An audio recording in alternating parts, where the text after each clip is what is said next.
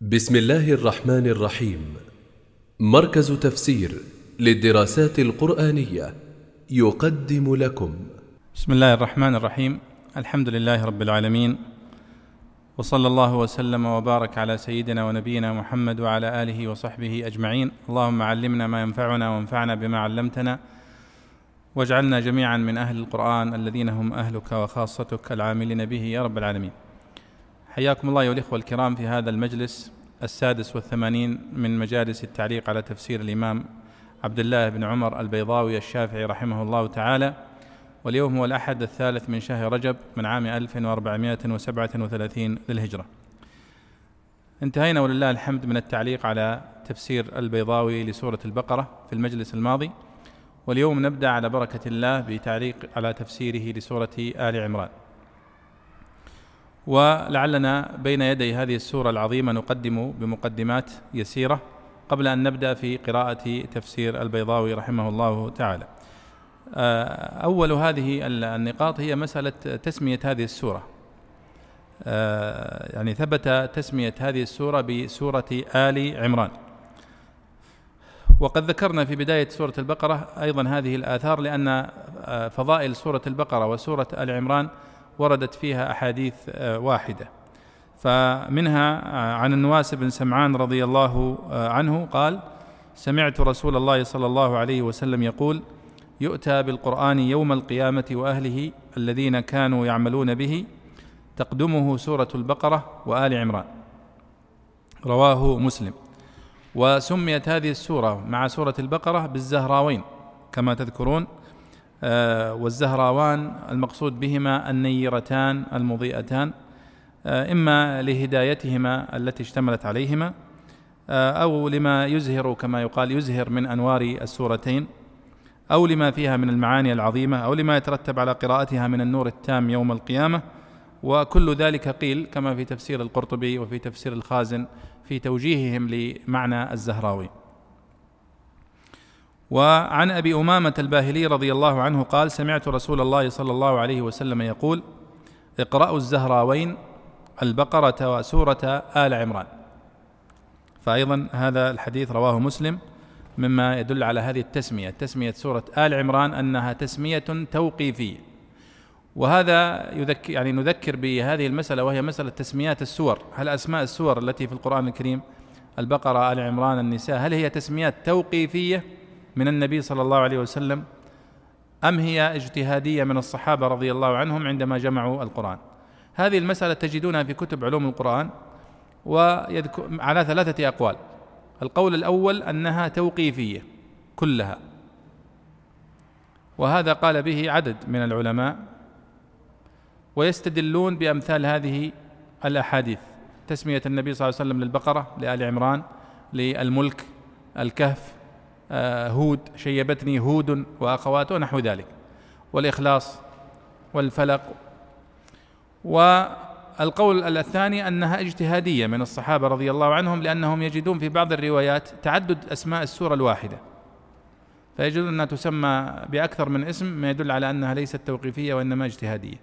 والقول الثالث يحاول أن يجمع بين القولين وهو أنه يرى أن بعضها اجتهادي بعضها توقيفية وهي ما ثبت فيها النص أو ما كان لها تسمية وحيدة لم يثبت غيرها مما يرجح أنها توقيفية. وبعضها اجتهادية تسمى سورة بني إسرائيل أو سورة الإسراء ونحو ذلك أو سورة محمد سميت سورة القتال. والغرض دائما من التسميات هو التمييز. الغرض من التسمية هو التمييز وهو ما يسميه النحويون العلم. العلم هو الاسم الذي يعين المسمى. اسم يعين المسمى مطلقا. علمه. هذا هو العلم. فسورة آل عمران سميت بهذا الاسم لأنه قد ورد فيها ذكر أسرة آل عمران. إن الله اصطفى آدم ونوحا وآل إبراهيم وآل عمران على العالمين ثم فصل في قصة آل عمران. وتذكرون عندما تحدثنا عن سورة الفاتحة ذكر الله في آخر سورة الفاتحة قال غير المغضوب عليهم ولا الضالين. والمفسرون يقولون أن المغضوب عليهم هم اليهود لأنهم عرفوا الحق ولم يتبعوه فغضب الله عليهم. وجاء تفصيل قصتهم في سورة البقرة. فلاحظتم أن سورة البقرة كان كثير من حديث عن بني إسرائيل وعن قصصهم مع موسى عليه الصلاة والسلام وتلكؤهم عن الاستماع والانقياد لأوامره. قال والضالين قالوا هم الذين يعبدون الله على ضلال وهم النصارى يعني ينطبق هذا على النصارى. فجاء تفصيل خبرهم في سورة آل عمران. فكأن سورة الفاتحة فيها الموجز والتفصيل في البقرة وفي آل عمران.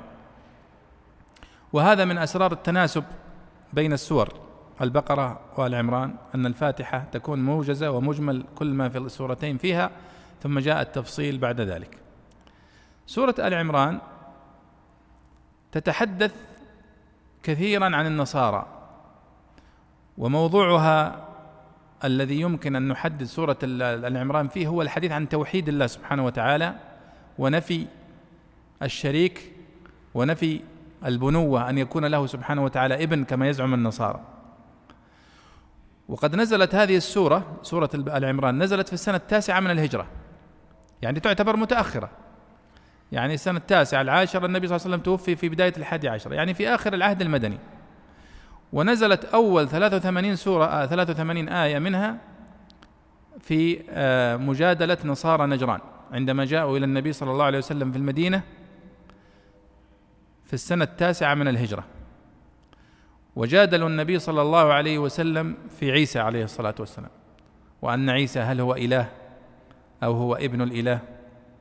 فنزلت هذه الآيات إن مثل عيسى عند الله كمثل آدم خلقه من تراب ثم قال له كن فيكون فيها مجادلة رائعة جدا للنصارى.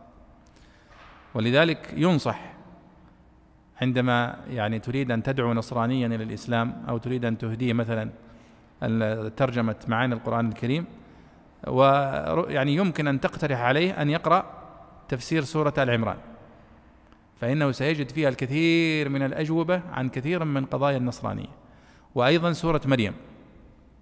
هاتان السورتان يعني تبين للنصارى الضلال الذي هم فيه. من زعمهم بأن عيسى عليه الصلاة والسلام هو آه، إله أو أنه ابن إله. آه، طبعا سورة آل عمران من فضائلها العظيمة ما ذكره النبي صلى الله عليه وسلم أنها تأتي مع سورة البقرة تحاجان يوم القيامة عن صاحبهم. فعن أبي امام الباهلي رضي الله عنه أنه قال سمعت رسول الله صلى الله عليه وسلم يقول اقرأوا القرآن فإنه يأتي يوم القيامة شفيعا لأصحابه اقرأوا الزهراوين البقرة وآل عمران فإنهما تأتيان يوم القيامة كأنهما غمامتان يعني سحابتان أو كأنهما غيايتان. والغيايتان هي كل ما يظل الإنسان سواء كانت من السحاب أو من غيره. أو كأنهما فرقان من طير صواف يعني يعني مجموعتين كبيرتين من طير صواف أي باسطة أجنحتها تظلل على من تحتها. ماذا ماذا تصنع هاتان السورتان؟ قال النبي صلى الله عليه وسلم تحاجان عن صاحبهما. تحاجان عن صاحبهما. وهذا الحديث رواه كما قلنا مسلم. وهذا لا شك أنه فضل عظيم أيها الإخوة أن تأتي هاتان السورتان تحاجان عن صاحبهما. لكن ما المقصود بصاحب هاتين السورتين؟ لا شك أن المقصود به لا يسمى الإنسان صاحبا لشيء إلا إذا كان مكثرا من مصاحبته أليس كذلك؟ فلا بد للإنسان أن يكثر من تلاوتهما ويكثر من دراستهما وإن استطاع أن يحفظهما فهذا الأكمل حتى يظفر الإنسان بهذا الفضل العظيم. ولك أن تتخيل هذا الموقف العظيم أن يأتي يوم القيامة القرآن وتأتي هاتان السورتان تحاجان عن صاحبهما وتدافعان عنه وتجادلان عنه بين يدي الله سبحانه وتعالى. فهما أشبه ما يكون بالواسطة الكبيرة التي تأتي الإنسان وهو في أمس الحاجة إليها. وتخيل أنت الآن في مواقفك في الدنيا عندما تضيق عليك الدنيا في بعض المواقف ثم يأتيك من يشفع لك فيخرجك من هذه الأزمة. فإنك يعني تفرح فرحا عظيما. فكيف إذا كانت هاتان في يوم القيامة في الموقف العظيم؟ لا شك أن هذا فضل كبير. وأيضا عن النواس بن سمعان رضي الله عنه قال سمعت رسول الله صلى الله عليه وسلم يقول يؤتى بالقرآن يوم القيامة وأهله الذين كانوا يعملون به. وهذا أيضا الحديث يؤكد على أنه لا يقال أهل القرآن إلا لمن يعملون به وليس فقط من يقرؤون القرآن أو يحفظونه. قال تقدمه سورة البقرة وآل, وآل عمران وضرب لهم رسول الله صلى الله عليه وسلم ثلاثة أمثال ما نسيتهن بعد. قال كأنهما غمامتان أو ظلتان سوداوان. ويعني الظلتان يعني هما الغيايتان الذي ذكرهما في الحديث الآخر. أو كأنهما حزقان وهما الحزقان أي الفرقتان أو الجماعتان الكبيرتان. من طير صواف تحاجان عن صاحبهما. رواه مسلم. وأيضا من فضائلها تعظيم الصحابة رضي الله عنهما لقارئ البقرة وآل عمران. كما روى أنس رضي الله عنه قال كان الرجل إذا قرأ البقرة وآل عمران جد فينا يعني عظمت مكانته فينا. وفي رواية يعد فينا عظيما وفي أخرى عد فينا ذا شأن. رواه أحمد وابن حبان. فهذا دليل أيها الإخوة على مكانه هذه السورة العظيمة ومكانه آه، من يوفقه الله سبحانه وتعالى لقراءتها وفهمها وحفظها. ولذلك أنا أنصح إخواني وأنصح نفسي بمداومة قراءة هاتين السورتين وعدم التفريط في هذا الفضل والتفقه فيها. ونحن عندما نقول أيها الإخوة أو ندعو للتفقه في سور القرآن الكريم أو في تفسيره البعض ربما يضع بينه وبين ذلك حاجزا عندما يرى القرآن الكريم كاملا فيقول يعني التفسير كامل طويل وكتب التفسير طويلة وبعضها عشرين مجلد وبعضها عشرة مجلدات. فنقول كما قال النبي صلى الله عليه وسلم لأن يغدو أحدكم إلى بطحان أو العقيق فيتعلم آه، أو فيصيب ناقة كما كما في الحديث أيكم يحب أن يغدو إلى بطحان أو العقيق فيعني يصيب ناقة كوماء في غير إثم ولا قطيعة رحم فقالوا كلنا نريد ذلك يا رسول الله. يعني هذه تعتبر فرصة ثمينة أنك تجد يعني ناقة سمينة عظيمة مجانية. دائما المجاني له لذة. فكيف يعني إذا كانت ناقتان أو ثلاث؟ فقال النبي صلى الله عليه وسلم لأن يغدو أحدكم إلى بيت من بيوت الله كما تصنعون الآن. فيتعلم آية من كتاب الله. خير له من ناقة كوماء.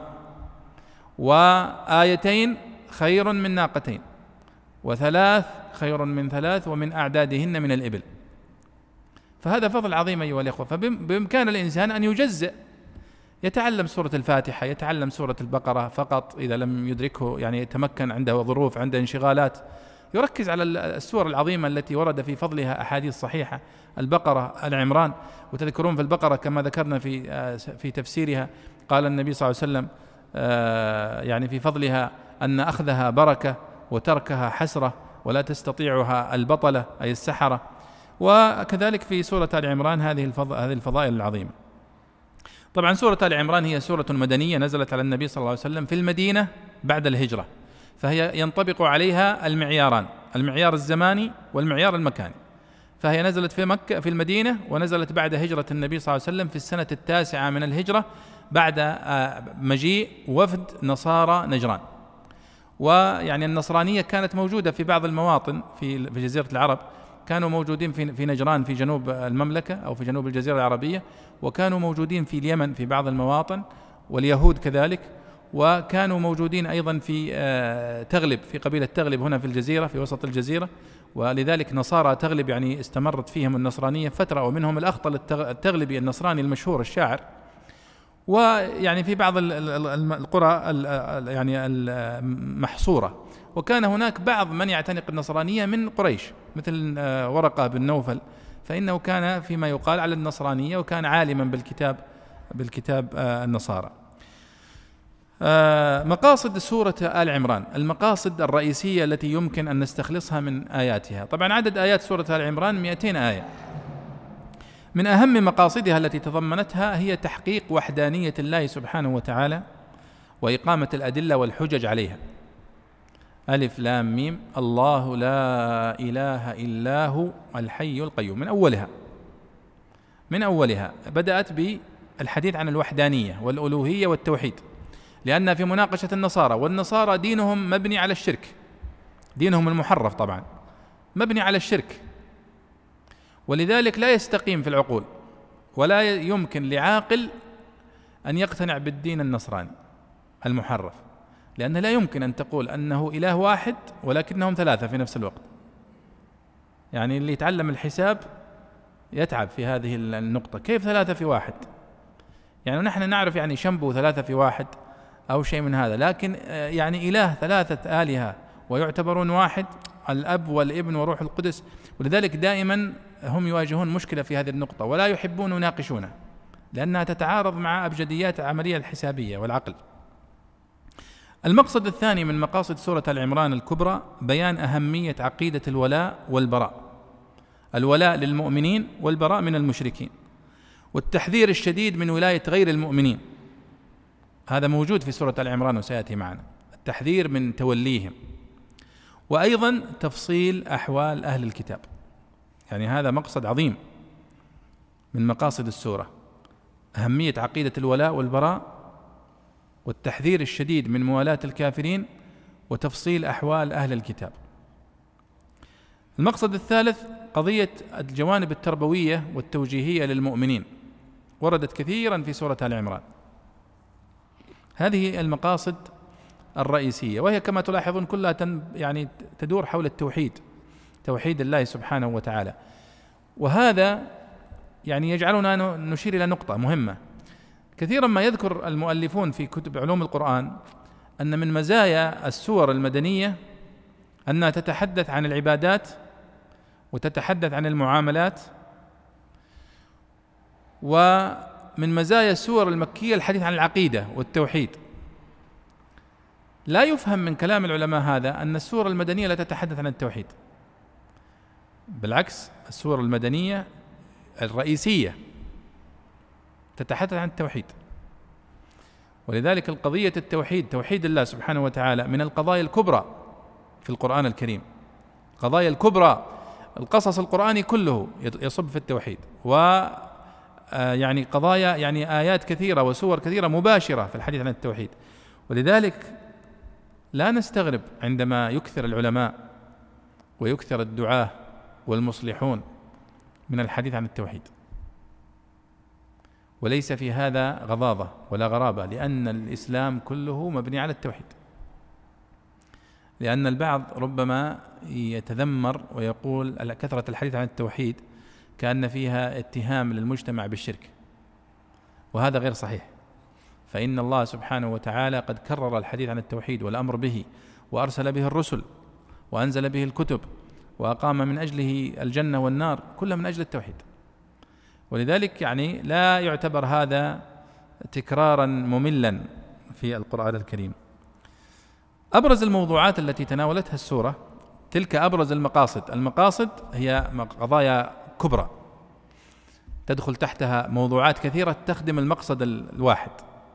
أما الموضوعات فهي موضوعات الجزئية. آه، من أهم الموضوعات التي في سورة آل عمران بيان وحدانية الله المطلقة وتقرير أنواع التوحيد الثلاثة توحيد الربوبية وتوحيد الألوهية وتوحيد الأسماء والصفات.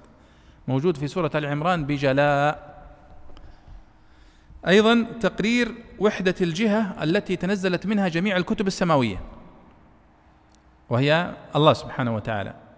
هو الذي أنزل عليك الكتاب منه آيات محكمات وقال نزل عليك الكتاب بالحق آه، وقال وأنزل التوراة من قبل هدى للناس وأنزل التوراة والإنجيل إلى آخره. فكل هذه الكتب السماوية الله سبحانه وتعالى هو الذي أنزلها. أيضا وهي من من بالرغم من أنها آية قصيرة في أول السورة ستأتي معنا إلا أنها آيات عظيمة جدا افترق الناس فيها وهي بيان أقسام الناس بالنظر إلى المحكم والمتشابه في القرآن الكريم. هو الذي أنزل عليك الكتاب منه آيات محكمات هن أم الكتاب وأخر متشابهات.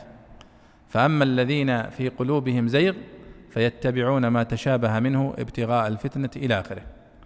فبيان أقسام الناس من حيث الإيمان بالمتشابه والمحكم في القرآن الكريم هذا من الموضوعات المهمة. أيضا من الموضوعات تحذير أهل الكفر المناوئين لله وللرسول صلى الله عليه وسلم آه، وتهديدهم. فالسلطان والقوة والجاه والولد لن يغني عنهم من الله شيئا. ولن يغني عنهم من عذاب الله ومن سطوته شيئا. ويعني هذا قد تكرر في هذه السورة. أيضا من موضوعاتها الإشارة إلى غزوة بدر الكبرى. في سورة آل عمران تحدث الله فيها عن غزوة بدر الكبرى. وذكر تفاصيل ما جرى في غزوة أحد من أحداث أيضا. أيضا أشار الله فيها إلى الشهوات النفسية للإنسان. زين للناس حب الشهوات إلى آخره. وبيان يعني أن هناك ما هو خير منها وهو ما أعده الله سبحانه وتعالى للمتقين في الآخرة. أيضا بيان أهمية دين الإسلام في قوله إن الدين عند الله الإسلام وأنه هو الدين الذي لا يقبل الله سبحانه وتعالى غيره. ولذلك نحن دائما يعني ننبه إلى هذه النقطة وهي مسألة أنه لا يقال الأديان السماوية وأن هذا خطأ وأن الصواب أنه دين واحد. ولكن نقول الشرائع السماوية لأن الشرائع مختلفة فعلا. كما قال تعالى لكل جعلنا منكم شرعة ومنهاجا. أما الدين فهو الدين واحد. إن الدين عند الله الإسلام. فنوح عليه الصلاة والسلام آدم عليه الصلاة والسلام إلى محمد كلهم جاءوا بالدين الإسلامي. اليوم نحن نقول الدين الإسلامي مصطلح هذا مصطلح خاص يقصد به الدين الذي جاء به محمد صلى الله عليه وسلم الشريعة الإسلامية. أما الدين الإسلامي آه، بإطلاقه فهو ينطبق على كل الشرائع السماوية. فما جاء به نوح هو الدين الإسلامي وما جاء به هود وما جاء به صالح وما جاء به عيسى وموسى كلهم جاءوا بالإسلام. تفصيل أحوال أهل الكتاب وهذا موضوع مهم جدا في في هذه السورة وطويل. وفضح ضلالاتهم وما وقعوا فيه من اختلاف في أمر دينهم. وما ارتكبوه من جرائم وموبقات بتكذيبهم بآيات الله وقتلهم أنبياءهم والدعاه إلى الله سبحانه وتعالى وامتناعهم عن التحاكم إلى إلى الدين وإلى كتابه سبحانه وتعالى وقصتهم مع عيسى عليه الصلاة والسلام وكفرهم به ودعوة الرسول صلى الله عليه وسلم إلى مباهلة آه، كل من جادله في أمر عيسى عليه الصلاة والسلام قل تعالوا ندعو أبناءنا وأبناءكم ونساءنا ونساءكم وأنفسنا ثم نبتهل. هذه آية المباهلة المشهورة وهي من أواخر ما نزل في المقطع الأول 83 آية الأولى. هذه المباهلة يعني نزلت في شأن آه، نصارى نجران. وأمر الله سبحانه وتعالى لرسوله أن يدعوهم إلى آه، كلمة سواء وهي كلمة التوحيد ومجادلتهم في إبراهيم عليه الصلاة والسلام. أن إبراهيم كان يهوديا وبعضهم يقول نصراني. الله قال ما كان إبراهيم يهوديا ولا نصرانيا ولكن كان حنيفا مسلما. وهذه أيضا من الآيات العظيمة في هذه السورة. وأن الله سبحانه وتعالى ذكر مجموعة من صفات أهل الكتاب وحرصهم على إضلال المؤمنين وكفرهم بآيات الله وتلبيسهم الحق بالباطل وليهم ألسنتهم بالكتاب بما ليس منه ايهاما إلى آخره. وأيضا أمر الله سبحانه وتعالى نبيه صلى الله عليه وسلم بمجادلتهم وبيان الحق لهم ومحاججتهم ومجادل وهذا أيضا فيه درس عظيم لطالب العلم أن يتعلم هذه الحجج الموجودة في سورة آل عمران. ولذلك الذين ألفوا في الجدل القرآني يعني كانت كثير من الآيات التي اعتمدوا عليها من سورة آل عمران. آه، منهج الجدال في القرآن الكريم واستخراج الجدال في القرآن الكريم لابن الحنبلي كثير من الآيات من هذه السورة. وكتاب ابن الوزير اليماني وهو آه، آه، عن الجدل القرآني وتفضيله على جدل اليونان. كتاب نسيت والله العنوان. فكلها يعني كثير من من الآيات التي اعتمدوا عليها في الجدل في سورة آل عمران. والسبب في ذلك والله أعلم أنها نزلت في مخاطبة النصارى وعلماء النصارى خصوصا. يعني أنهم طبقة مثقفة. ومجادلة الإنسان المثقف والعالم تختلف عن مجادلة الجاهل. مجادلة العالم تدخل في التفاصيل. مجادلة الإنسان الجاهل لا تدخل في التفاصيل. ولذلك جاءت مجادلة أهل الكتاب مطولة. وأيضا يمكن أن نشير إلى نقطة مهمة وإن لم يعني تكن يعني مدروسة. بالنسبة لي أنا مدروسة بشكل استقصائي في القرآن الكريم وهو الفرق بين مخاطبة الله سبحانه وتعالى لأهل الكتاب. ومخاطبته للأعراب وللعرب. تلاحظ أن مخاطبة الله سبحانه وتعالى لأهل الكتاب فيها تطويل وفيها تفصيل ومخاطبته للعرب فيها إيجاز. الجاحظ يقول في كتاب البيان والتبيين أن هذا من فطنة العرب ومن فصاحتهم فقال فانظر كيف خاطب العرب باللمحة والإشارة. ووكلهم إلى فطنتهم ودقة أذهانهم. فلما خاطب أهل الكتاب أطال في الخطاب. كما يرى هو لأنهم يعني أثقل في الفهم و لكن نحن نقول أنهم لأنهم أهل علم وأهل كتاب وأهل ثقافة ولذلك تكثر أسئلتهم. وهذا شيء طبيعي أن الإنسان كلما ازداد علما كلما كثرت أسئلته. فهم يرون أن العالم هو من كانت أسئلته كثيرة.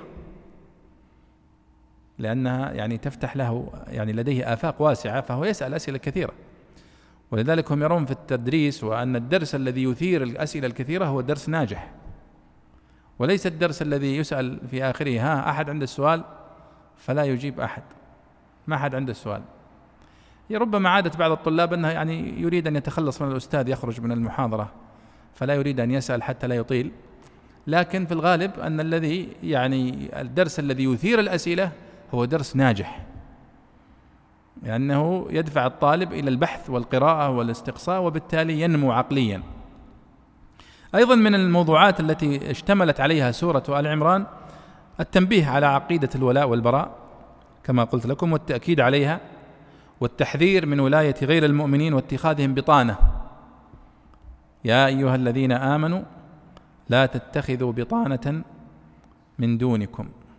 والبطانة المقصود بها المقربين من الإنسان الوالي أو الخليفة أو الملك أو الوزير ويجعل بطانته من آه، هؤلاء اليهود والنصارى. ثم ينتظر النصح منهم وينتظر الإخلاص وهذا لا يكون. والتاريخ الإسلامي مليء بالمآسي بسبب مخالفة هذه الآية. ويعني لعلي لا أنساها أذكر يعني قصة مشهورة لأحد آه، ملوك الأندلس. كان واليا على آه، أشبيلية. فاستوزر يهوديا وجعله رئيس الوزراء رئيس الحكومة. فجاء هذا اليهودي وقرب تجار اليهود وقرب اليهود ومكن لهم حتى اختل نظام المملكة. اشتكى الناس ويعني حاولوا بكل وسيلة أن يصلوا إلى الملك حتى يعني يشتكوا إليه من ظلم هذا الوزير اليهودي ولكن دون جدوى. فقاموا بثورة في في أشبيلية. وكانت بدايتها قصيدة للشاعر المشهور أبي إسحاق الألبيري صاحب التائية المشهورة. التي يقول فيها تفت فؤادك الأيام فتى وتنحت جسمك الساعات نحتا وتدعوك المنون دعاء صدق ألا يا صاحي أنت أريد أنت. وهي قصيدة جميلة في طلب العلم والحث عليه وهي مهمة جدا أن ترجعوا له وتحفظوها. قصيدة تائية تائية أبي إسحاق الألبيري. فله قصيدة نونية يشتكي فيها من الوزير اليهودي. هذا يقول فيها آه، ألا قل لصنهاجة أجمعين؟ ليوث الشرى وأسود العرين لقد زل صاحبكم زلة تقر بها أعين الشامتين تخير كاتبه كافرا ولو شاء كان من المؤمنين فعز اليهود به وانتخوا وتاهوا وكانوا من الأرذلين. إلى آخر القصيدة. فأثار الناس في أشبيلية و آه، يعني آه، يعني كانت فتنة. أدت إلى آه، يعني عزل هذا الوزير وهذا اليهودي.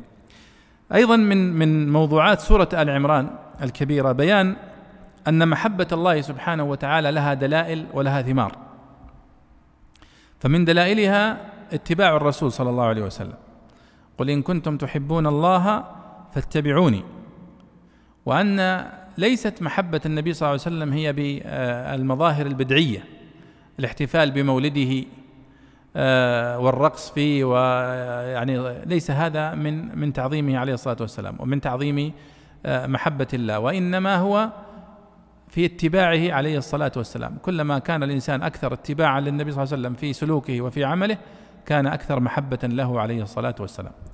وأيضا من ثمارها محبته لمن أطاع رسوله صلى الله عليه وسلم. أيضا من موضوعاتها ذكر الأنبياء في هذه السورة ورد ذكر الأنبياء وعلو مراتبهم. واصطفاء الله لهم وبيان قصة مريم وابنها عيسى عليه الصلاة والسلام وقصة زكريا وابنه يحيى عليهما الصلاة والسلام وستأتي معنا. أيضا ذكر مجموعة من الآداب التربوية للجماعة المسلمة كالوصية بالتقوى والاعتصام بحبل الله سبحانه وتعالى واعتصموا بحبل الله جميعا ولا تفرقوا ونبذ الفرقة والاختلاف وأمرهم بالدعوة إلى الخير وامتنان الله عليهم بأن جعلهم خير أمة أخرجت للناس كنتم خير أمة أخرجت للناس والآيات التي معها وحثهم على الإنفاق وغيرها من الآداب العظيمة المنثورة في سورة آل عمران. أيضا اشتملت سورة آل عمران على بعض الأحكام. ليست كسورة البقرة في الأحكام الفقهية التي اشتملت عليها لكنها اشتملت على ذكر آه، آه، الربا. يا أيها الذين آمنوا لا تأكلوا الربا اضعافا مضاعفة وهي مرحلة من مراحل تحريم الربا. ولكن المرحلة الأخيرة هي المرحلة التي أخذناها في سورة البقرة. وأحل الله البيع وحرم الربا. أيضا النهي عن الغلول وتحريمه وهو أخذ الغنيمة قبل أن تقسم. وعقوبة مانع الزكاة أيضا اشتملت عليها هذه السورة العظيمة. يعني هذا كمقدمة أيها الإخوة بين يدي سورة آل عمران هذه السورة العظيمة. وكأن والله أعلم حتى تسمية السورة بسورة آل عمران فيها رد على النصارى وفيها بيان لمقصد السورة. نحن نقول مقصد السورة توحيد الله وتنزيهه والرد على المشركين به. وعندما سماها سورة آل عمران كأن فيها إشارة ورد على النصارى الذين يزعمون أن عيسى ابن الله أو أنه هو إله. من أي ناحية؟ فالله يقول أن آل عمران أسرة أسرة عادية زيها زي أي أسرة. إن الله اصطفى آدم ونوحا وآل إبراهيم وآل عمران على العالمين. إذ قالت امرأة عمران ربي إني نذرت لك ما في بطني اللي هي والدة مريم وجدة عيسى عليه الصلاة والسلام. فهو يقول سبحانه وتعالى عيسى هو من أسرة آل عمران أسرة معروفة معروفة يعني أسرة زيها زي أي أسرة في في في بني إسرائيل. وليس يعني فيها أي علاقة بالألوهية ولا يعني شيء من ذلك. وإنما هي أسرة. صحيح أنها مصطفاة لكنها بشر بشر يعني. ولذلك الحديث عنها حديث عن أسرة بشرية. وجاء الحديث عن عيسى عليه الصلاة والسلام أنه خلق من غير أب. بس. وهذا لا شك أنه يعني شيء مذهل ومعجز. كما أنه خلق آدم من غير أب ولا أم. ولذلك قال إن مثل عيسى عند الله كمثل آدم. أنتم مستغربين من عيسى أنه ولد بغير أب؟ طيب آدم أغرب من غير أم ولا أب. وهم لا شك عندهم في خلق آدم من غير أم ولا أب. فكيف تصدقون به وتنكرون عيسى؟ طيب نبدأ على بركة الله في آه، القراءة من كلام البيضاوي رحمه الله في تفسير هذه السورة. تفضل يا شيخ أحمد. أعوذ بالله من الشيطان الرجيم. بسم الله الرحمن الرحيم. ألف لام ميم. الله لا إله إلا هو الحي القيوم. نزل عليك الكتاب بالحق مصدقا لما بين يديه. وأنزل التوراة والإنجيل. من قبل هدى للناس وأنزل الفرقان إن الذين كفروا بآيات الله لهم عذاب شديد والله عزيز ذو انتقام إن الله لا يخفى عليه شيء في الأرض ولا في السماء هو الذي يصوركم في الأرحام كيف يشاء. لا إله إلا هو العزيز الحكيم. قال رحمه الله ألف لام ميم. الله لا إله إلا هو الحي القيوم. إنما فتح الميم في المشهور وكان حقها أن يوقف عليها لإلقاء حركة الهمزة عليها ليدل على أنها في حكم الثابت. لأنها أسقطت للتخفيف لا للدرج فإن الميم في حكم الوقف كقولهم واحد اثنان بإلقاء حركة الهمزة على الدال لا للالتقاء الساكنين فإنه غير محذور في باب الوقف ولذلك لم تحرك ولذلك لم تحرك الميم في لام وقرئ بكسرها على توهم, على توهم التحريك لالتقاء الساكنين وقرأ أبو بكر بسكونها والابتداء بما بعدها على الأصل. الحي القيوم روي أنه عليه الصلاة والسلام قال إن اسم الله الأعظم في ثلاث سور في البقرة الله لا إله إلا هو الحي القيوم وفي آل عمران الله لا إله إلا هو الحي القيوم وفي طه وعنت الوجوه للحي القيوم. نزل عليك الكتاب القرآن نجوما بالحق بالعدل. أو بالصدق في أخباره أو بالحجج المحققة أو بالحجج المحققة أنه من عند الله وهو في موضع الحال مصدقا لما بين يديه من الكتاب وأنزل التوراة والإنجيل جملة على موسى وعيسى واشتقاقهما من الورى والنجل ووزنهما بتفعله وإفعيل. تعسف لأنهما أعجميان. ووزنهما بتفعله وإفعيل تعسف لأنهما أعجميان ويؤيد ذلك أنه قرئ الإنجيل بفتح الهمزة الأنجيل بفتح الهمزة وهو ليس من أبنية العربية وقرأ أبو عمرو وابن ذكوان والكسائي التوراة بالإمالة وفي جميع القرآن ونافع وحمزة بين اللفظين إلا قالون فإنه قرأ بالفتح كقراءة الباقين. آه طيب بسم الله الرحمن الرحيم. طبعا سورة البقرة آل عمران أيضا ابتدأت بألف لام ميم كما ابتدأت سورة البقرة بألف لام ميم. والبيضاوي تذكرون أنه فصل في الأحرف المقطعة في أول سورة البقرة ولذلك هنا لم يتكلم عنها. وهذا شأن آه، معظم المفسرين إن لم يكن كل المفسرين أنه إذا جاء سورة البقرة تكلم عن ألف لام ميم وقال هذه يعني من المفسرين من يقول أنها آه، أحرف هجائية. حروف هجائية ألف لام ميم. آه، معروف أنها أحرف هجائية لكن ما هو المقصود بها؟ ما هو ما هو معناها؟ آه، هناك من يعني يعني يذكر معاني للأحرف الهجائية. يقول ألف معناها كذا وميم معناها كذا ويعني إلى آخر الحروف الهجائية. ومنهم من يرى أنها مجرد أحرف هجائية أعلام على الحرف ألف يعني علم على هذا الحرف المرسوم بهذه الطريقة ميم كذا. ولعل يعني من من أوجه من أوجه الأقوال التي قيلت فيها أنها أحرف هجائية جيء بها للتحدي آه للمتحدثين باللغة العربية ولغيرهم من باب أولى.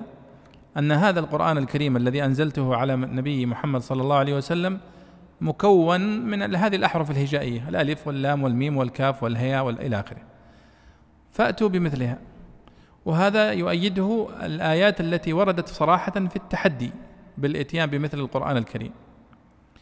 وبعضهم يرى أنها للتنبيه. وهذا ورد فعلا عن العرب أن عندما تقول ألف لام ميم هذا يستدفي يعني يسترعي الانتباه. ويستوقف السامع حتى يصغي لما بعده. وبعض السلف كان يفسرها بطريقة رمزية فيقول الألف رمز لكذا والميم لكذا والهاء لكذا وهذا ورد عن السلف. لكنها كلها اجتهادات ليس فيها نص. يعني نحن الآن مثل هذه الأحرف المقطعة ما لم يرد نص صريح عن النبي صلى الله عليه وسلم بأن معناها كذا وكذا لا نستطيع أن نقطع.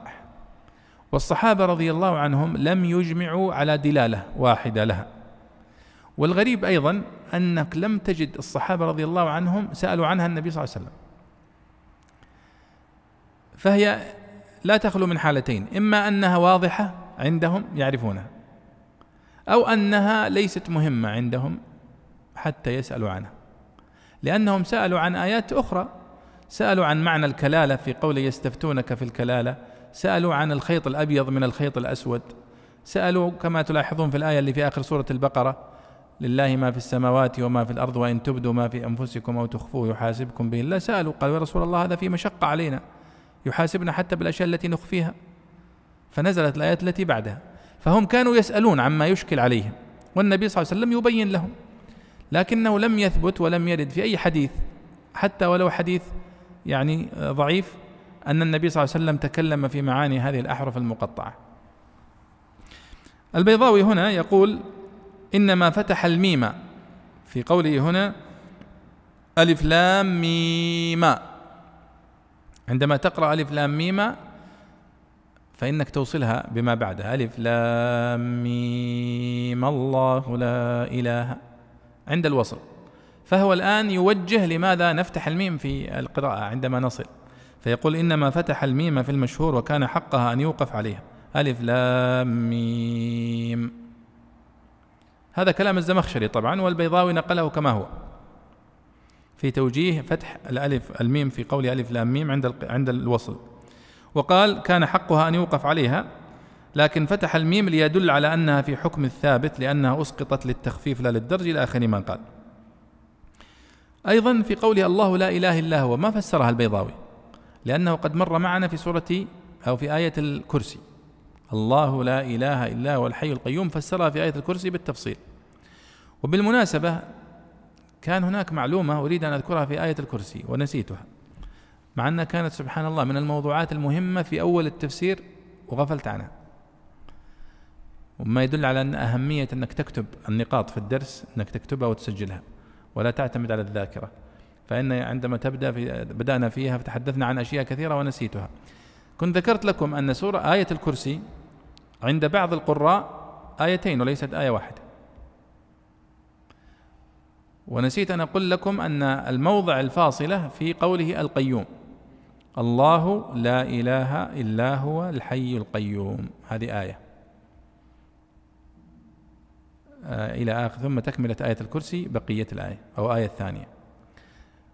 ما هي العلة في في فصلها؟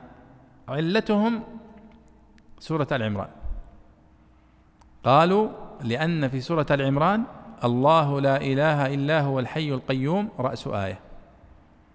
فقاسوا عليها آية الكرسي. ولكن عند جمهور القراء أن آية الكرسي آية واحدة متصلة. الله لا إله إلا هو الحي القيوم لا تأخذه سنة ولا نوم إلى آخره. مع أنها عشر جمل منفصلة كما مر معنا. الله لا إله إلا هو الحي القيوم لا تأخذه سنة ولا نوم له ما في السماوات وما في الأرض إلى آخره. فإذا هنا الله لا إله إلا هو الحي القيوم هي آية منفصلة. قاسوا عليها في آية الكرسي وقالوا الله لا إله إلا هو الحي القيوم الكرسي هي آية. ثم لا تأخذه سنة ولا نوم تكملة.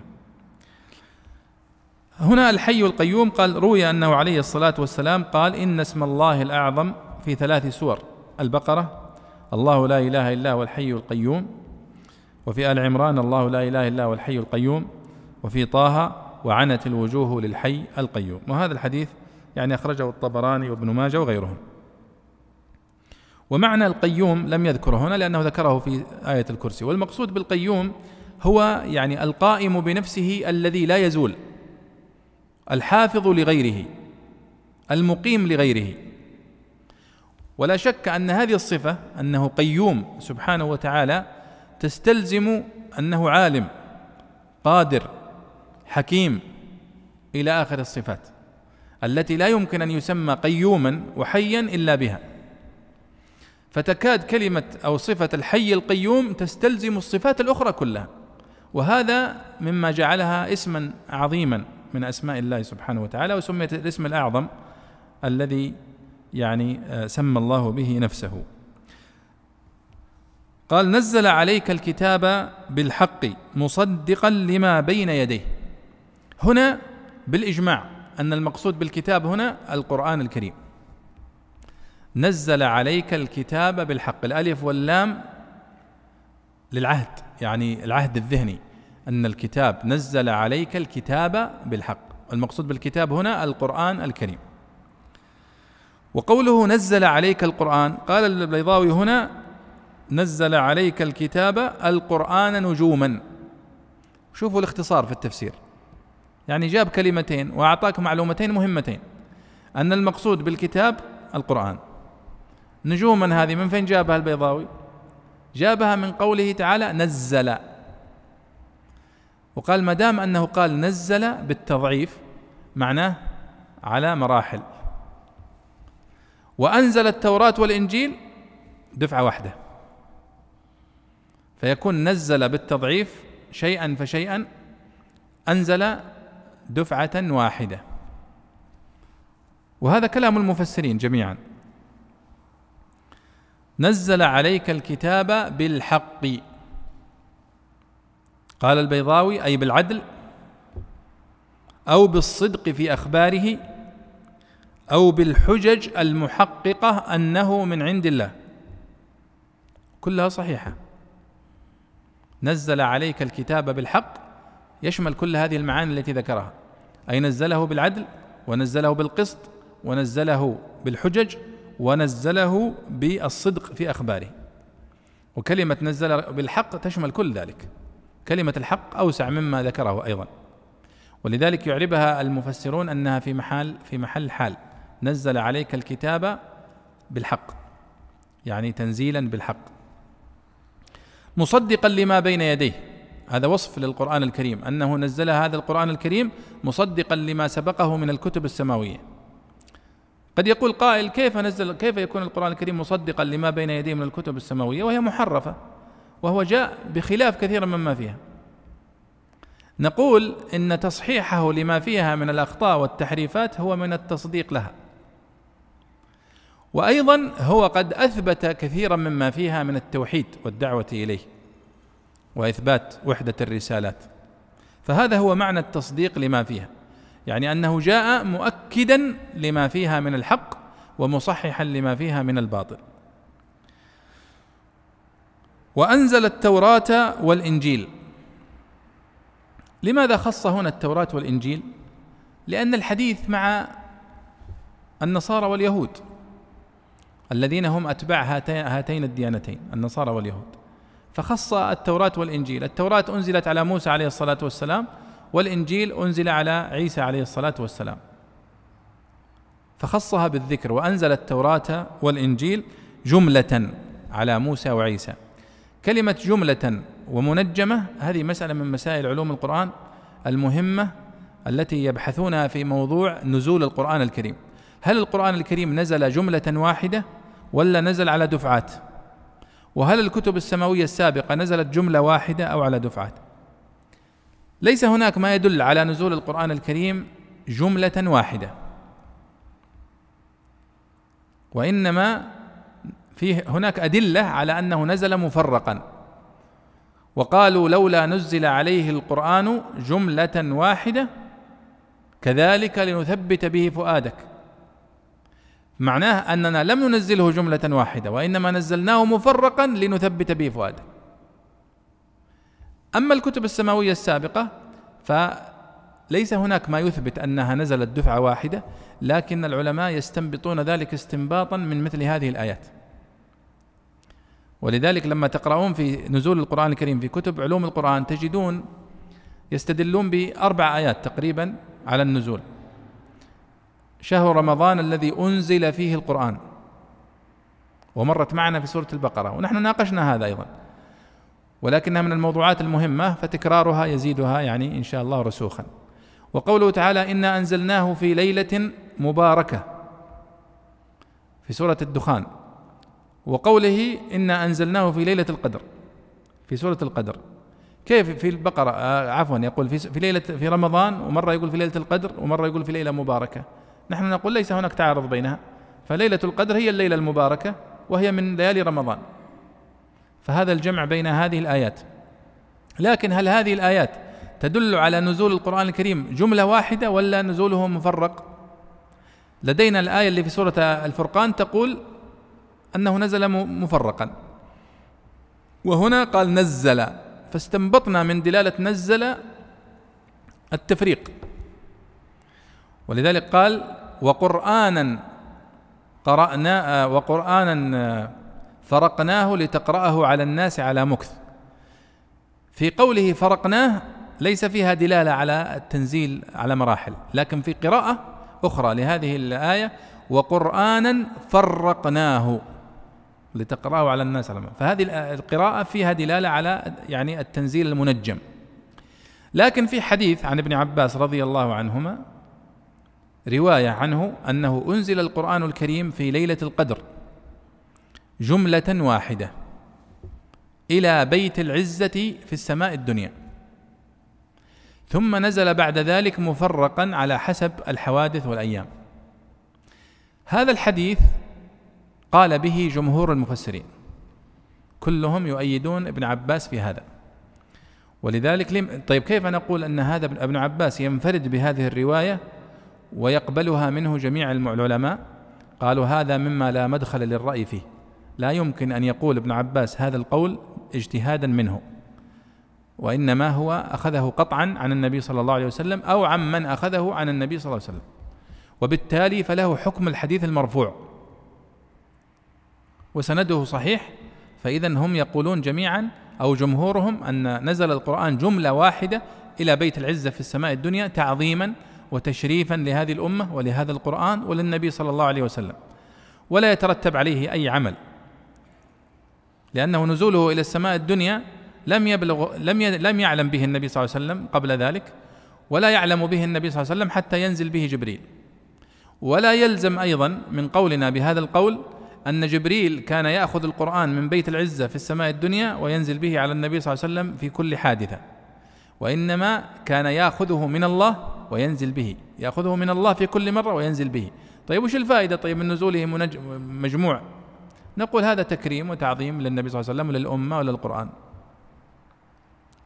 طيب قد يقول قائل طيب كيف يعني القرآن الكريم قد تكلم الله به سبحانه وتعالى قبل أن تقع الحوادث التي تكلم بها؟ يعني جاء فيه الحديث عن غزوة بدر وجاء فيه عن أحد وهو أصلا ما قد وقعت. فنقول هذا ليس هناك مشكلة في هذا لأن الله سبحانه وتعالى يعلم الغيب. فعلم الله سبحانه وتعالى متعلق بما لم يقع إلى حد الآن. وما لن يقع لو وقع كيف سيقع؟ فعلم الله سبحانه وتعالى ليس مسبوقا بجهل وليس ملحوقا بنسيان وهو متعلق بما لم يكن وما ما سيكون. أما علم الإنسان فهو محدود. يسبوق بجهل وملحوق بنسيان وغفلة فالله سبحانه وتعالى يعني ليس هناك غيب بالنسبة له ولا مستقبل. ولذلك الزمن ليس له يعني معنى في علم الله سبحانه وتعالى. كيف؟ عندما يقول الله سبحانه وتعالى أتى أمر الله فلا تستعجلوه. فعبر بالفعل الماضي عن أمر مستقبل. أتى أمر الله يعني أنه قد أتى في الماضي. فلا تستعجلوه. طيب أنت تقول عن شيء لا تستعجل شيئا قد مضى. لا وإنما أنت تستعجل شيء بيجي في المستقبل. فيقول هو أتى أمر الله فلا تستعجلوه.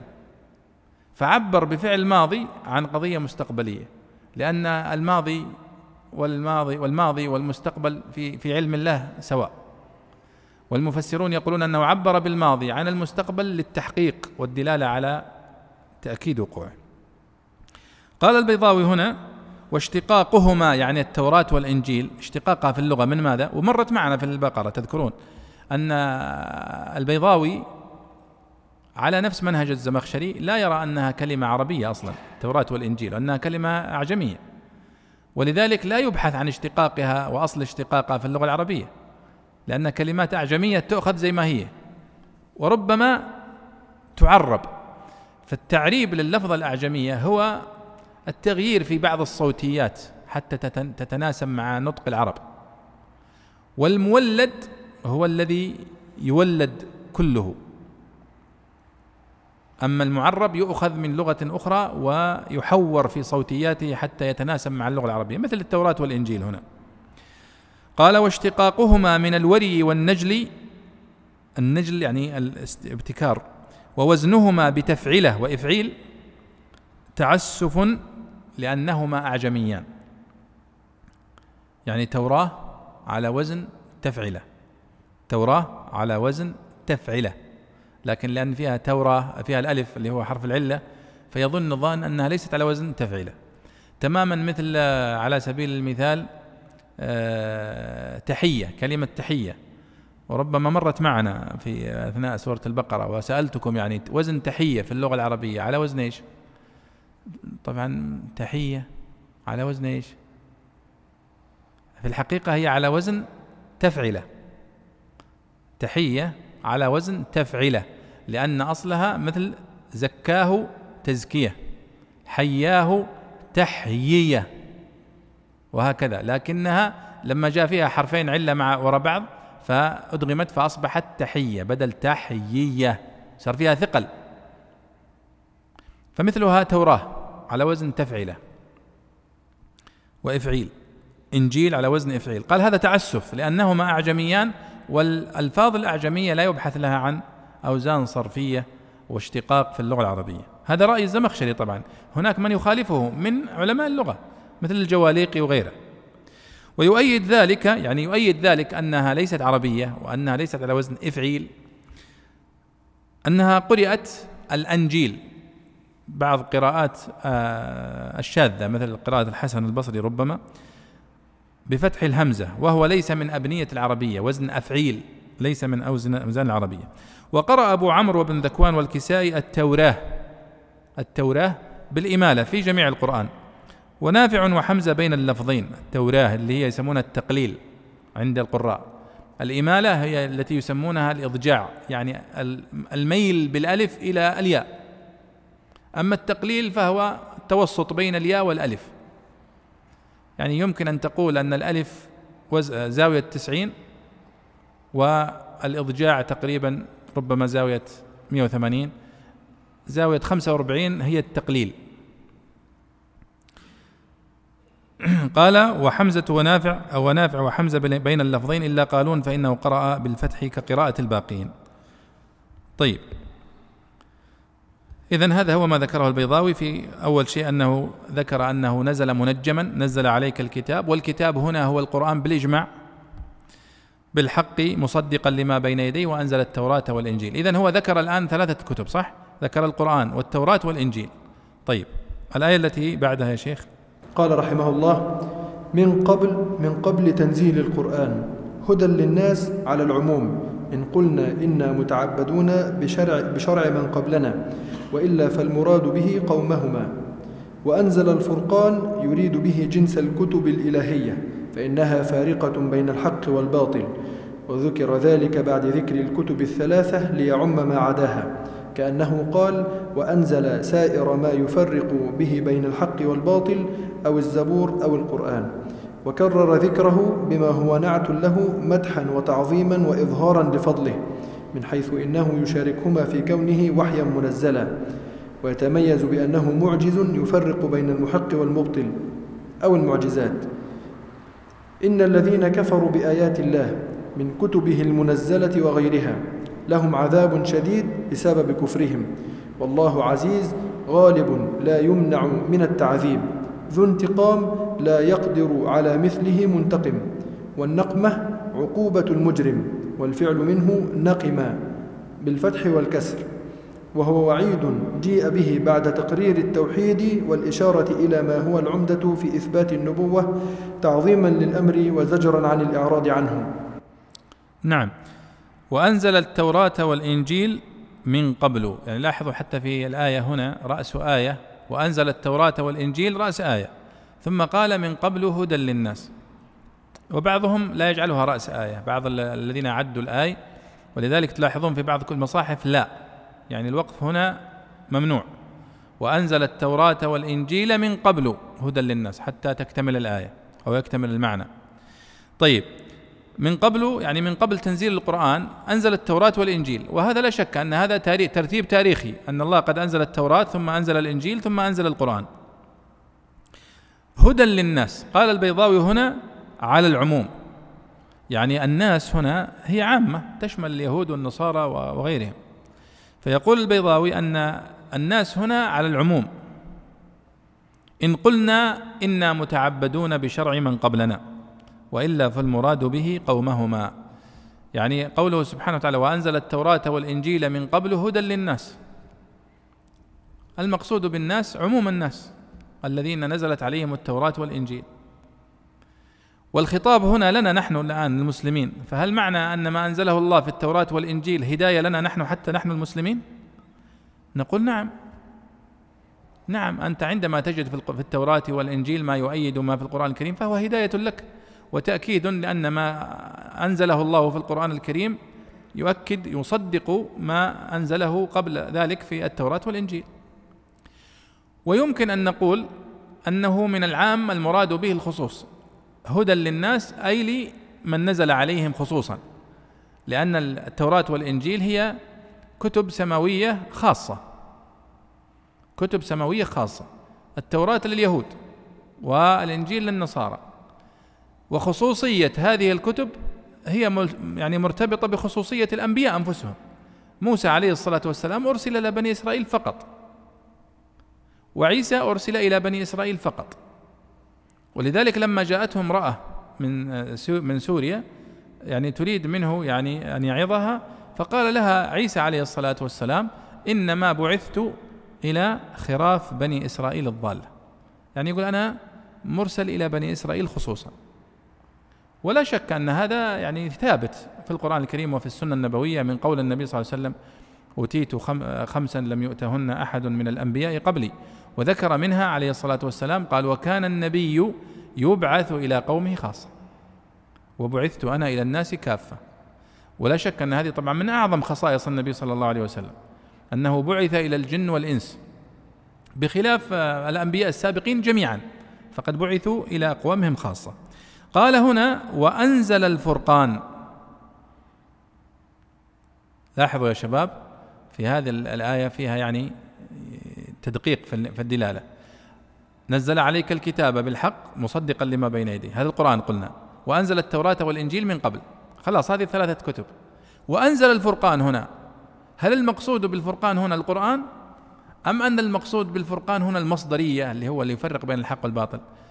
نعود أيها الإخوة إلى مسألة هنا في هذه الآية في قوله سبحانه وتعالى من قبل وأنزل التوراة والإنجيل من قبل هدى للناس و و وأنزل الفرقان. وأنزل الفرقان هنا ذكر البيضاوي هنا أربعة أقوال فيها تلاحظون. أول واحد هو الراجح فعلا واختياره موفق. قال وأنزل الفرقان يريد به جنس الكتب الإلهية. فإنها فارقة بين الحق والباطل. فيكون قال نزل عليك الكتاب بالحق مصدقا لما بين يديه هذا القرآن بالإجماع. وأنزل التوراة والإنجيل من قبل. وهذه ثلاث, ثلاث كتب سارت ثم قال وأنزل الفرقان. فالفرقان هنا هو كل الكتب السماوية التي أنزلها الله سبحانه وتعالى يصدق عليها أنها فرقان. لأنها تفرق بين الحق والباطل. وكل ما كان فيه تفريق بين الحق والباطل فهو فرقان. القرآن يسمى فرقان. تبارك الذي نزل الفرقان على عبده. وقال آه سمى يوم يوم بدر سماه يوم الفرقان يوم التقى الجمعان لأن الله فرق فيه بين الحق والباطل. والتوراة فرقان والإنجيل فرقان وكل ما أنزله الله من وحيه هو فرقان فرق الله بين به بين الحق والباطل. إذا هذا هو القول الأول وهو القول الراجح وقد قدمه البيضاوي ما قصر. قال ذكر ذلك بعد ذكر الكتب الثلاثة ليعم ما عداها. وذكر التوراة والإنجيل والقرآن ثم ذكر الفرقان ليعم الزبور وغيره. كأنه قال وأنزل سائر ما يفرق به بين الحق والباطل. إذا هذا هو القول الأول وهو الراجح. واضح يا شباب؟ يعني وأنزل الفرقان يعني وأنزل ما يفرق به بين الحق والباطل من الكتب السماوية. القول الثاني أن المقصود به الزبور. الفرقان هنا الزبور لأن ذكر القرآن والتوراة والإنجيل. قال بعض المفسرين والمقصود بالفرقان في هذا الموضع الزبور بالذات يعني. وبعضهم قال وأنزل الفرقان القرآن. طيب هو ذكر قبل شوية. نزل عليك الكتاب قلنا القرآن. لماذا كرر؟ قال كرر للتعظيم. كأنه قال قال وكرر يقول البيضاوي هنا وكرر ذكره بما هو نعت له مدحا وتعظيما وإظهارا لفضله من حيث أنه يشاركهما يعني يشارك التوراة والإنجيل في كونه وحيا منزلا ويتميز بأنه معجز يفرق بين المحق والمبطل. يعني هذا توجيه لمن فسره بأنه القرآن مرة أخرى. طيب لماذا كرر؟ قال كرر لتعظيمه وإلى آخره. القول الرابع أن قوله تعالى وأنزل الفرقان المقصود به المعجزات. كل المعجزات. لأنها فعلا هي فرقان. ونحن نقول القول الأول أشملها فهو نقول أن الفرقان هو ما يفرق بين الحق والباطل يدخل فيه كل الكتب السماوية الأخرى ويذكر فيه الحجج والمعجزات وغيرها. كلها تدخل في قولنا الفرقان. طيب هناك قاعدة جميلة تؤكد هذا التوجيه في التفسير وهي قاعدة تفسيرية وقاعدة لغوية وهي أن القول بالاستقلال أو عفوا القول بالتأسيس مقدم على القول بالتأكيد. الآن جينا يا محمد في هذا الموضوع قلت تدرس اختلافات المفسرين في هذه الآية. أناس قالوا الفرقان هو ما يفرق به بين الحق والباطل من كل الكتب السماوية. ممتاز هذا معنى جديد. لأن المعنى الذي سبقه قال الكتاب القرآن. التوراة التوراة الإنجيل الإنجيل. الفرقان هو ما يفرق به بين الحق والباطل. القول الثاني أنه القرآن. طيب هذا تكرار. طيب هو قبل شوية قال الكتاب. الآن يقول الفرقان نقول الكتاب القرآن برضه. فيقول محمد لا هناك قاعدة تقول التأسيس مقدم على التأكيد. تأسيس معنى جديد للآية وهو أن الفرقان هو ما يفرق به بين الحق والباطل أولى من القول بأنها تأكيد لمعنى سبق. هذه قاعدة من قواعد الترجيح عند المفسرين. قال البيضاوي هنا إن الذين كفروا بآيات الله يعني من كتبه المنزلة وغيرها أن الآيات هنا المقصود بها الكتب المنزلة وغير الكتب المنزلة. ولذلك تذكرون عندما تحدثنا عن دلالة القرآن الكريم على الإعجاز وأن القرآن الكريم هو الآية الكبرى التي أوتيها النبي صلى الله عليه وسلم. بعض المؤلفين خاصة من المعاصرين يتشددون ويعني يمكن أن نقول أحيانا بعضهم يتنطع في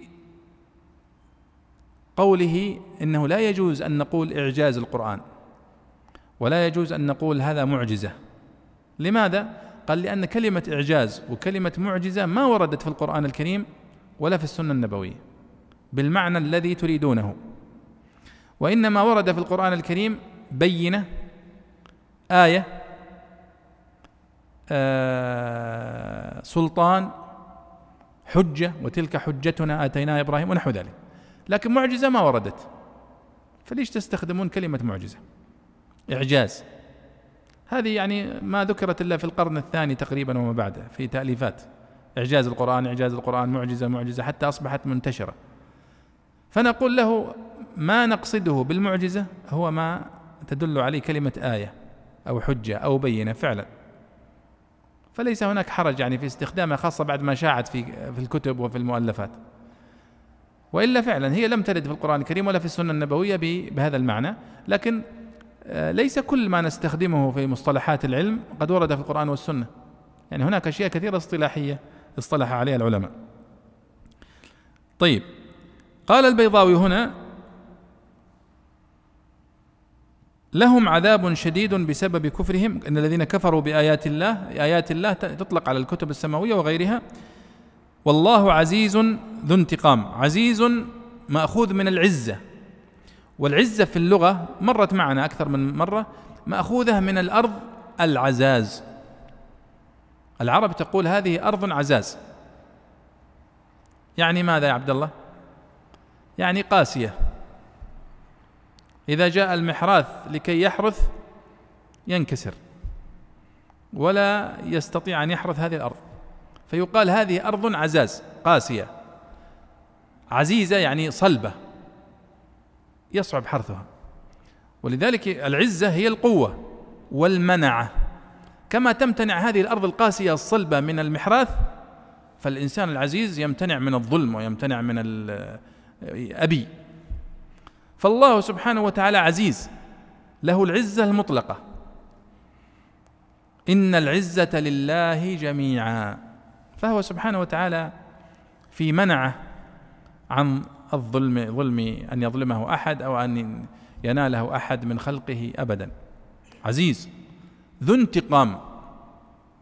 يعني صاحب الانتقام الحقيقي والانتقام الشديد هو الله سبحانه وتعالى.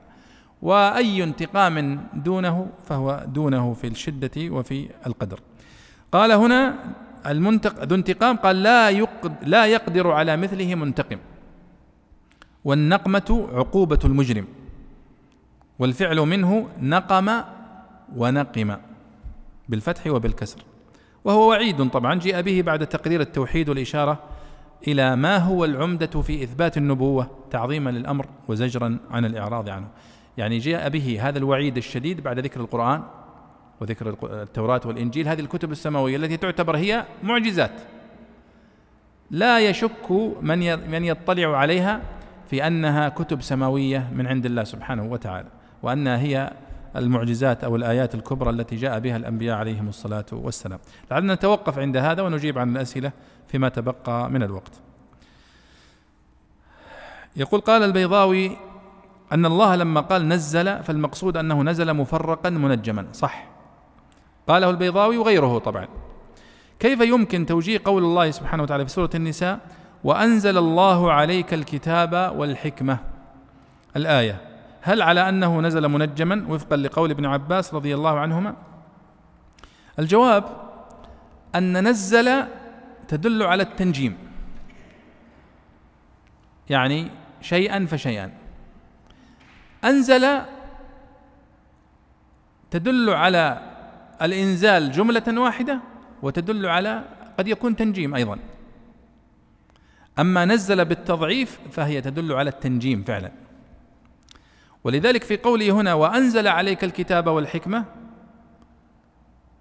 ليس بالضرورة أنه غير منجم. قد يكون منجم وقد يكون جملة واحدة لكن ورد في آيات أخرى نزله تنزيلا وفرقناه دل على أنه منجم.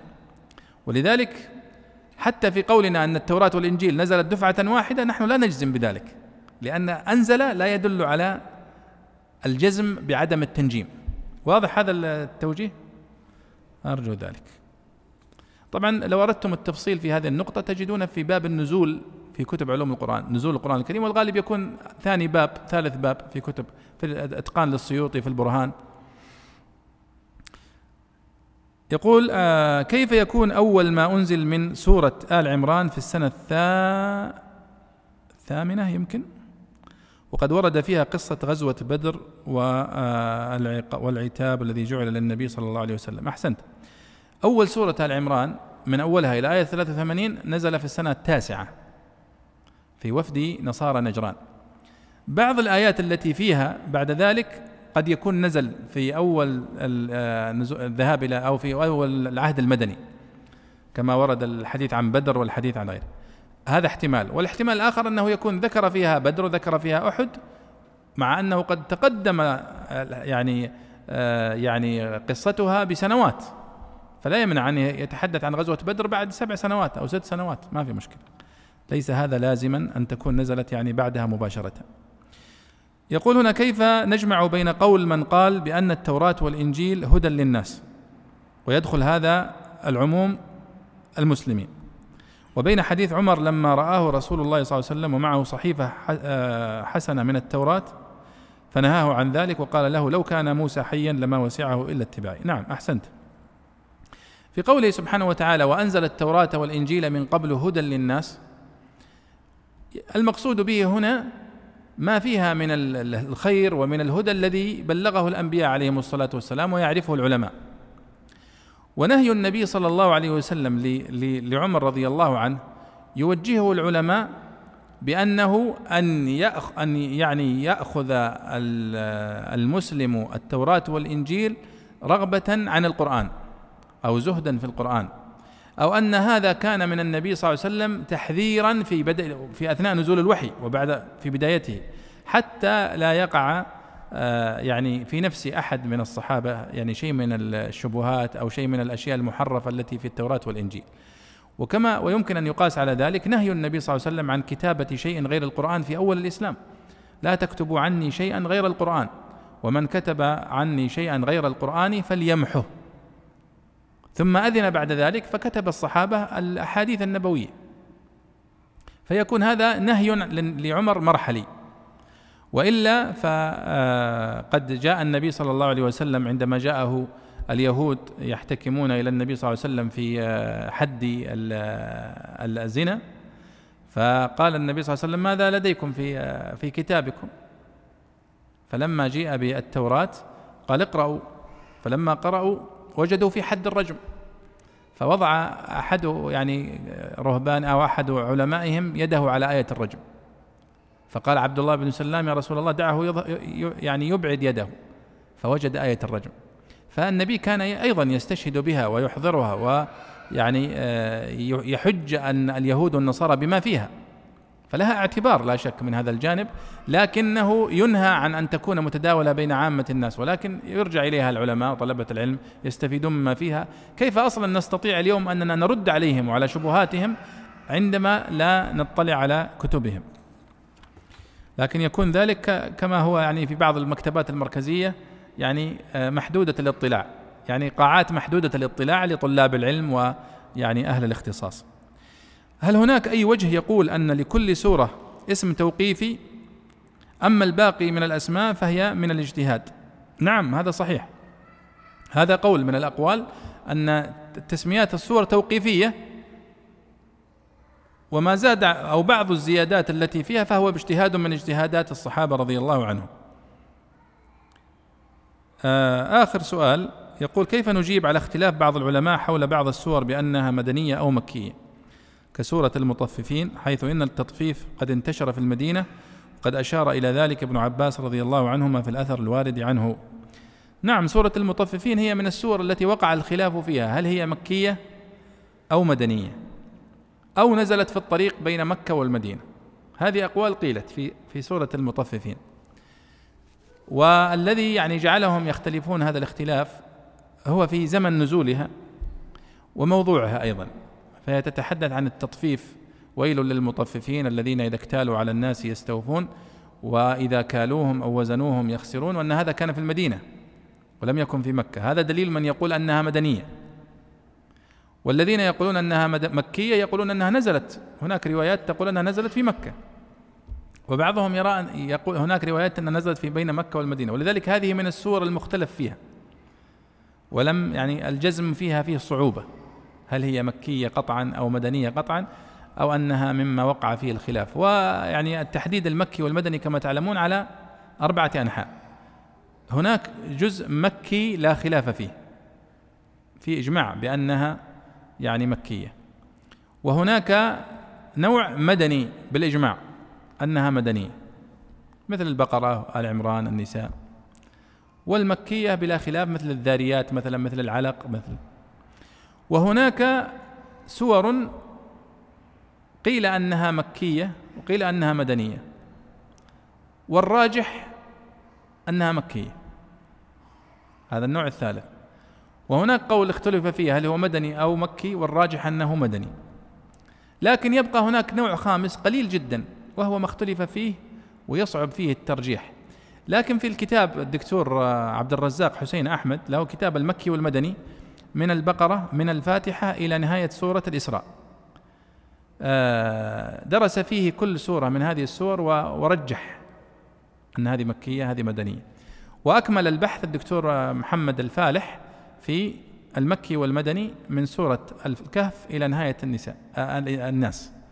ورجح أيضا بحسب ما ظهر له هل هي مكية أو مدنية. ونسيت والله في المطففين هل هو رجح أنها مكية أو أنها مدنية يمكن أن تراجعها.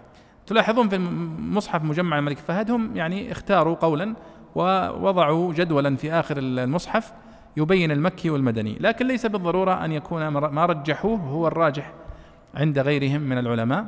فهذه مسألة يعني يدخلها الاجتهاد كما تعلمون. آه، ولعلنا نكتفي بهذا ونكمل إن شاء الله في المجلس القادم. وصلى الله وسلم على سيدنا ونبينا محمد وعلى آله وصحبه أجمعين. مع تحيات مركز تفسير للدراسات القرآنية. مركز تفسير. مركز تفسير. الريادة في تطوير الدراسات القرآنية.